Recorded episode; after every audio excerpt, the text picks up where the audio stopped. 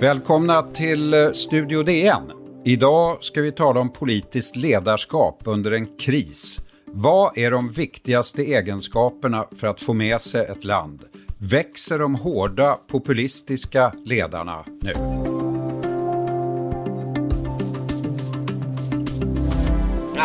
This is not the end. Uh, it is not even the beginning of the end.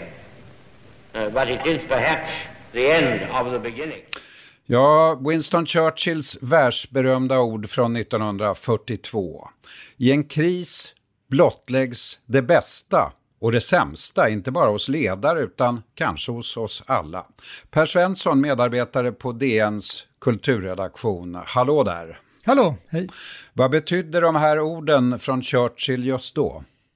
Ja, det betydde nog oerhört mycket därför att eh, engelsmännen hade ju varit väldigt illa ute och eh, det här var ju kanske den första, första vändningen till, till, till så säga, lite, lite hopp då, eller lite mer förnyat hopp i alla fall.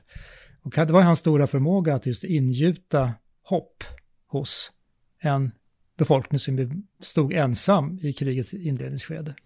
Han vände också möjligen sin egen politiska ställning genom det här och genom hela sitt agerande där. Ja, under kriget, men alltså det har ju många skrivit om och senast en intressant krönika av, av skribenten Thomas Gyr i GP bara för några dagar sedan som på, påpekade just att Churchill var ju uträknad före kriget. Han var ju en föredetting som ingen riktigt vars politiska liv egentligen var slut. Och sen kom kriget och då trädde han fram som, som den stora ledaren och anses för nu vara den, alltså den stora brittiska premiärministern. Eh, och det där är ju intressant. Jag tror att det är lite symptomatiskt för kriser att de ger utrymme för de politiker som inte riktigt passar in i normala tider. Och, och eh, det visar också att det gick inte bra för Churchill efter kriget då förlorade han ju val. Så att eh, det, det, det var intressant det där faktiskt. Ja, det är speciella ledare just som passar i extrema situationer menar du? Ja, det menar jag och jag tror att eh, alltså normal politik karaktäriseras ju av att man håller på och eh, man gör kompromisser, man förhandlar om procentsatser, man byter så att säga det ena, den ena lilla reformen mot en annan, kanske lite större reform och så vidare. Och det passar en viss typ av politiker, eller det är den normalpolitikern, men den här mera udda personligheten som kanske vars styrka ligger kanske i retoriken eller personligheten eller karisman. De kan lätt känna sig lite, lite out som outsider då, men när krisen kommer då är det de som på gott och ont träder fram. Men vad, vad, är det då som, som är det viktigaste för just de här krisledarna? Vilka är de egenskaperna om du skulle försöka definiera dem? Ja, jag tror att det är och det är det som också kan göra dem farliga i normallägen ska jag säga då. Att de har en väldigt stark övertygelse om att de har rätt och att de har också en stark övertygelse om vart, här, vart landet eller folket ska gå. Och det är inte minst viktigt att kunna uttrycka detta i en, i en slagkraftig formulering som just den här, att det här är inte början på slutet och så vidare. Eh, och det, en, en annan av mina kollegor, Pertti Olsson, skrev också väldigt intressant om detta, där han tog fram nyligen sådana klassiska exempel som Franklin D. Roosevelt till exempel, att vi har, det enda vi behöver frukta är fruktan själv och sådana här saker. Det är liksom väldigt starka formuleringar som man minns. Men eh, någonting man kan fundera över tycker jag i det här läget, eh, vad, vad blir man mer, mest tröstad av? Tröstas man av retorik, av de sköna orden eller de eh, lugnande orden eller tröstas man av fakta? Jag tror att eh, alltså, retorik används ju ofta nedsättande, men att, att, att kunna sammanfatta ett hopp eller ett eh, i en slagkraftig formulering som, som, som går in i människor, det är att utöva makt. Och det, alltså, ordet har ju väldigt stark makt och jag, tror, jag tror att sånt är väldigt viktigt.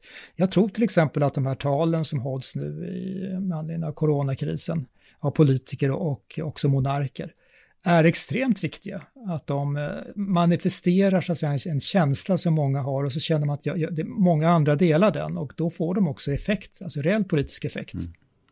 Ja, för bara femte gången faktiskt under sitt 68-åriga regentskap valde ju drottning Elizabeth att hålla tal till nationen. I hope in the years to come everyone will be able to take pride in how they responded to this challenge.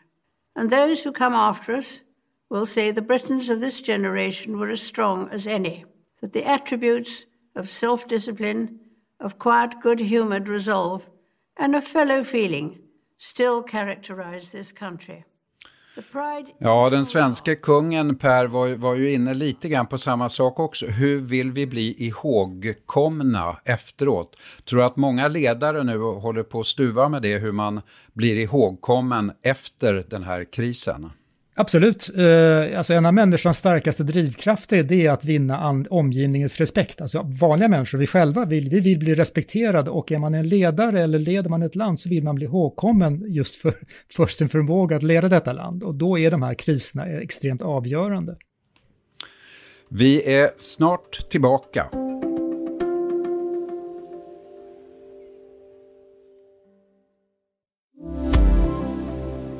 Det är också viktigt att vi alla bidrar till att avlasta eh, vården här nu i dagsläget. Så den som inte absolut behöver söka vård, sök inte vård. Och har du barn, låt dem inte knacka på hos dina grannar för att be om godis under påsk. Utan eh, det kommer fler påskar. Så påskkärringarna får ställa kvasten på parkeringen. Ja, Per Svensson, vad säger du där om Stefan Löfvens eh, påskkärringsbild? Ja, det för att vara Löfven är den ovanligt målande kan jag säga och, och ganska bra tycker jag. Och eh, jag tycker det var intressant att knyta an till det som när drottning Elisabeth, hon försökte knyta an väldigt medvetet till just blitzenkriget. Eh, också den här generationen, alltså vår generation, ska, bli, ska visa sig att de är starka och så vidare. Och eh, Löfven hans, hans retorik är annorlunda, han knyter ju an till det här lite förnuftiga, rationella svenska, att det kommer andra påskar, vi, det är inte så mycket att bråka om, vi, vi, kan, vi kan hantera det här bara vi, liksom, bara vi är förnuftiga och tänker efter och så. Och det passar kanske Sverige på ett annat sätt än den här mera, vi har ju inte något heroiskt förflutet som engelsmännen att, att säga, luta oss mot, ingen sån myt. Har du själv observerat någon utveckling hos eh, Sveriges statsminister under den här pågående krisen? Nej, ja, alltså han, han, han, har ju han, han har blivit ganska hånad eh, tidigare då för att, sin, sin, att han inte är så retoriskt skicklig och sådana här saker. Nu visade det sig att, att hans personlighet, hans sätt att vara passar tror jag ganska bra i den här krisen. Just att han, att han, han är den svenska fackföreningsmannen som man kan lita på, som tar i hand och håller det han lovar eh, i en sån gammal svensk tradition. Och det mm. tror jag att väldigt många känner sig trygga med just nu. Mm. Alltså jag tror han kommer, det här kommer vara, tror jag, en, en, en, om det inte går riktigt illa för oss i Sverige, så kommer det här vara det ögonblick som han kan bli ihågkommen för. För det här är ju annars, eh, man talar eh, eh, om det svenska experimentet, alltså det är ganska stor fallhöjd egentligen på den linje som Sverige har just nu. Generellt sett, vad säger du? Kan det vara säkrare politiskt så att säga för ledare att peka med hela handen än den här mer resonerande stilen? Då har man i alla fall gjort någonting.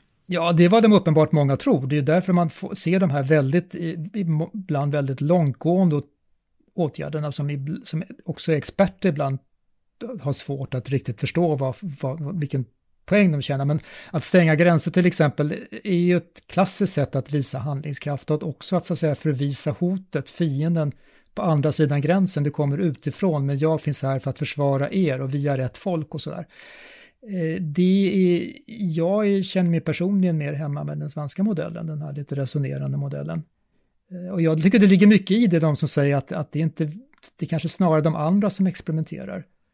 Att låsa in ett helt folk är lite grann ett ganska djärvt experiment. Men även den svenska regeringen har ju nu, trevar ju nu efter, efter lite större handlingskraft på bekostnad av riksdagen.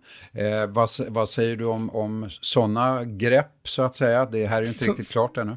Det förvånar mig faktiskt, just för att det, det, det är så väldigt osvenskt. Alltså samförståndet är ju kan, kan man säga svensk politiks kardinaldygd som har odlats i hundra år. Och samförstånd handlar ju trots allt om att man inte kör över riksdagen. Vad eh, ser du eh, på sikt Eh, vilka konsekvenser ser du för, i synen på ledarskap framöver? Alltså jag är ganska pessimistisk. Jag tycker inte om det här med karismatiska ledare. Karismatiska ledare är egentligen det farligaste som finns. Alltså folk som ledare som verkligen kan stiga fram och med trovärdighet och säga att jag är folket, lita på mig. Det är, historiskt så har man lite dålig, dålig erfarenhet av den sortens ledare. Och eh, en kris som den här ger, dem, ger, ger utrymme för det sorters ledarskap. Alltså det är undantagspolitikerna som kan träda fram och jag, jag tror inte det är bra. Eh, och speciellt inte om vi nu får en väldigt djup lågkonjunktur. Alltså den kombinationen, karismatisk ledarskap, auktoritärt ledarskap och lågkonjunktur, det är en väldigt, väldigt farlig kombination. För annars så skulle man ju kunna säga att, att eh, det inte är eh, nationalstaten just som är starkast i det här läget, utan man skulle ju kunna säga att, att det är ett samarbete länder emellan. Men du, du är alltså orolig för att den populismen Absolut. Absolut, ökar. absolut. Jag tror att eh, det är också så här att, att eh, i alla krislägen och krig till exempel så brukar en period av någon slags nationell samling, entusiasm, närmast liksom så att säga, nästan euforisk vilja att vara solidarisk och ställa upp följas av, av tristessen, monotonin och det är ju utrymme då för också besvikelse, desillusion och så vidare. Allt det där, det är en väldigt farlig häxbrygd eh, när det nu är så, så, så utbrett och så globalt. Eh, och EU till exempel, den stora besvikelsen är att EU har inte fungerat alls. Alltså jag är väldigt desillusionerad när det gäller EU. Mm. Eh, så att jag, jag, jag, ser rätt mörkt på den politiska framtiden måste jag säga. Och normalt sett så i sådana här lägen så brukar vi ibland vända oss till USA för råd. Det är inte riktigt läge för det som det ser ut nu. Nej, eh, det är ju en... Ja, någon svensk politiker någon gång sa att bra ledarskap det karaktäriseras av att man man delar äran för framgångarna med sina, med sina underlydande, och man, men, man delar, men man tar på sig skulden för misslyckandena. Mm. Och Donald Trump gör precis tvärtom. Allt som är lyckat är hans förtjänst, allt som, allt som misslyckas är någon annans fel. Och det är verkligen skolexempel på dåligt ledarskap och när det tillämpas globalt så är ju eh, konsekvenserna väldigt nedslående. Det är vad vi hinner med idag. Tack så mycket Per Svensson. Imorgon ska vi prata med DNs USA-korrespondent Martin Gelin om den ojämlika sjukvården i landet. För ljudillustrationerna stod AP Archive och TT Nyhetsbyrån. Studio DN görs av producent Sabina Marmulakai, exekutiv producent Augustin Erba, ljudtekniker Patrik Miesenberger och teknik Oliver Bergman, Bauer Media. Jag heter Lasse Bengtsson. Vi hörs igen.